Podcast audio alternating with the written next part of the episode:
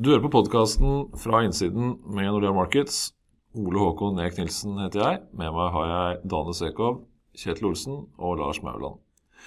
Vi skal se nærmere på det amerikanske valget og effekten det har på markedene. Eh, for så vidt også litt eh, om forskjellene mellom de to kandidatene. Men aller først, eh, Kjetil. Du skriver i en kronikk at valget i USA vil påvirke kronekursen. Hvorfor denne sammenhengen mellom to så vidt eh, ulike størrelser?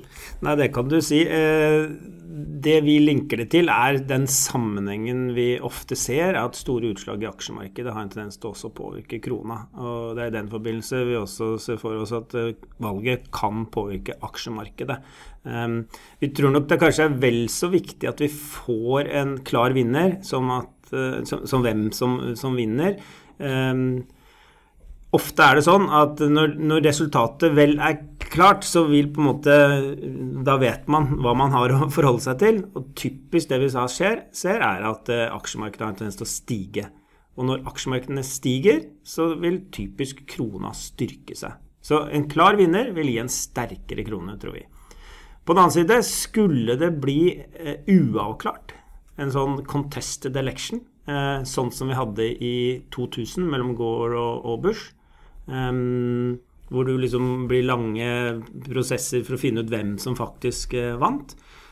I en sånn periode er det en tendens til at aksjemarkedet faller. Uh, det gjorde det i hvert fall ganske kraftig i, i, i 2000, når det var en sånn situasjon sist. Um, og og fall, kraftig fall i aksjemarkedet, det er, er, vi ganske sikre på å svekke krona. Um, I 2000, når det var en sånn situasjon sist, så falt aksjemarkedet med 10% på en, på en liten måned. Um, Forrige gang vi hadde et sånt fall i aksjemarkedet for noen uker siden, så svekka krona seg med sånn 60 øre mot euroen og 90 øre mot, mot, mot dollaren. Um, så det er på en måte det, det, det, det verste, verste, som kan skje, det er at det ikke blir en, en, vinner. Da svekker krona seg mye. Får vi bare en avklaring, så, så ser vi for oss en, en gradvis sterkere krone i etterkant av valget. Vi har jo for diskutert denne linken mellom aksjer og kronekurs eh, noen ganger før. og Vi tenker vel egentlig at den henger litt sammen med norske forvalteres behov for å endre på sikringene av utenlandsporteføljene sine. Så den, den, linken høres i grunnen ganske fornuftig ut. Og det er klart det også at hvis vi tar bort usikkerhet, så, så pleier det å være bra for aksjemarkedet. Og akkurat usikkerhet er vel på et vis nøkkelordet for, eh, for oppfatningen markedet har hatt av Trump. Der er det mer enn nok eh, usikkerhet å ta av. Det tvitres, og, og, og, og handelsavtaler blir kansellert. Eh, men Dane, kan vi forvente oss en, et annet politisk bilde dersom Biden vinner, rent globalt? Så ja, Ole Håkon, som du sier, med, med, Trump så blir det trolig mer av det samme og usikre. Mens Biden derimot, han har en lang track record for, eh, for eh, internasjonale organisasjoner. Og han støttespiller for det internasjonale samarbeidet. Det er eh, gagnet små, åpne økonomier som det norske. Så med Biden som president så, så vil vi, vil vi se trolig mindre usikkerhet enn med Trump som president. Ikke sant? Så da kan vi kanskje også forvente at det vil være positivt for, for aksjemarkedet. Men hva med da andre eh, kall det mer politiske forhold? Vil, eh, står Biden for en annen finanspolitikk, f.eks.? Så ja, absolutt. Eh, slik vi ser det, så vil demokratene bruke mer penger enn republikanerne. Og hvis Biden blir valgt og demokratene vinner Kongressen, så så vil de bruke mer penger og komme med store uh, stimulipakker. Og det vil gjøre at uh, amerikansk økonomi kommer opp på beina fortere enn uh, en med Trump som president. Ikke sant, så Da kan man jo også forvente at sentralbankene får litt hjelp til å nå inflasjonsmålene etter hvert, kanskje. Eh, andre innenrikspolitiske forhold det er verdt å trekke frem eh, med Biden, som man bør være klar over? Ja, jeg tenker to ting. En med Biden som president, så kan vi på lengre sikt få en høyere oljepris enn med Trump. Og uh, trolig også høyere lønns- og dermed prisvekst. Når det gjelder det første, så vet vi jo at Trump er uh, vil åpne opp for mer oljeleting og til og med fjerne naturvernslover. Mens Biden han vil ha en forbud på ny leting på offentlig eiendom.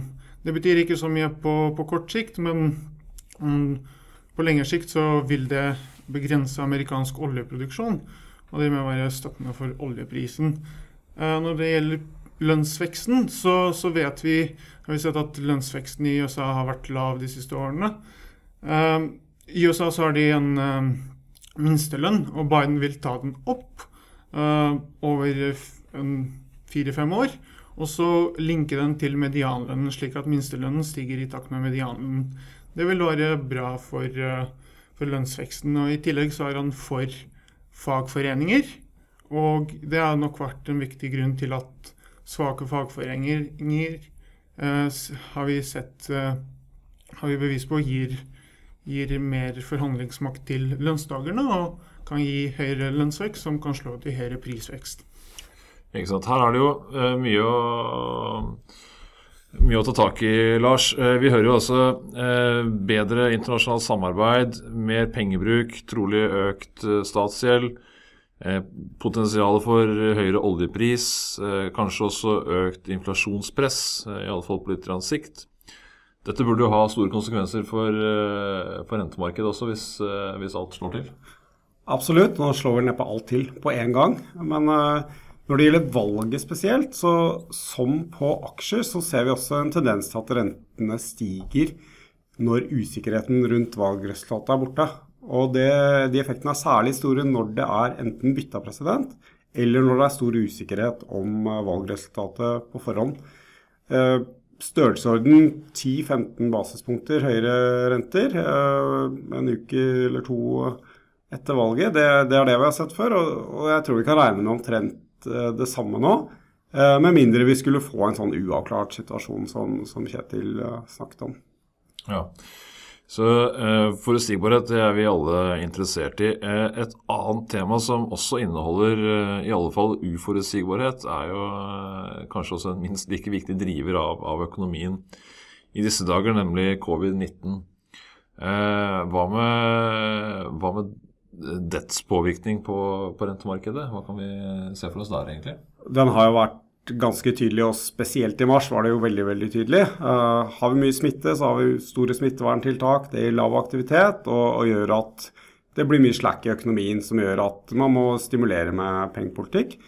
Uh, vi har også sett gjennom sommeren at f.eks. rentemarkedet i USA svinger med de amerikanske smittetallene.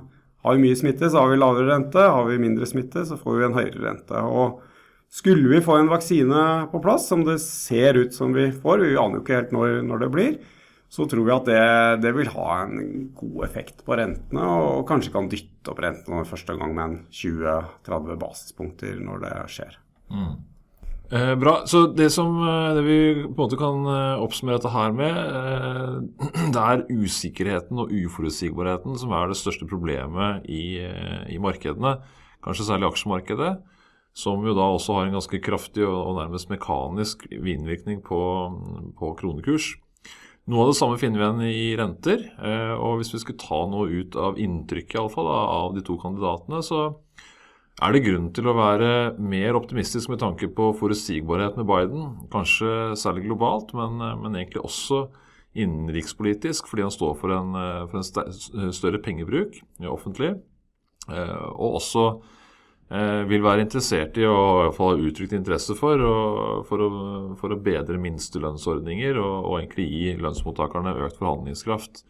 Hvilket også kan gi økt inflasjonspress på på litt sikt.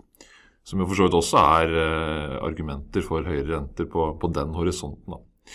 Eh, og med det så ønsker vi på, på gjenhør. Du har altså hørt podkasten fra innsiden med Nordea Markets, eh, og med oss eh, her har vi hatt eh, Dane Sekov, Kjetil Olsen eh, og Lars Mauland. Mitt navn er Ole Håkon Eek Nilsen. På gjenhør.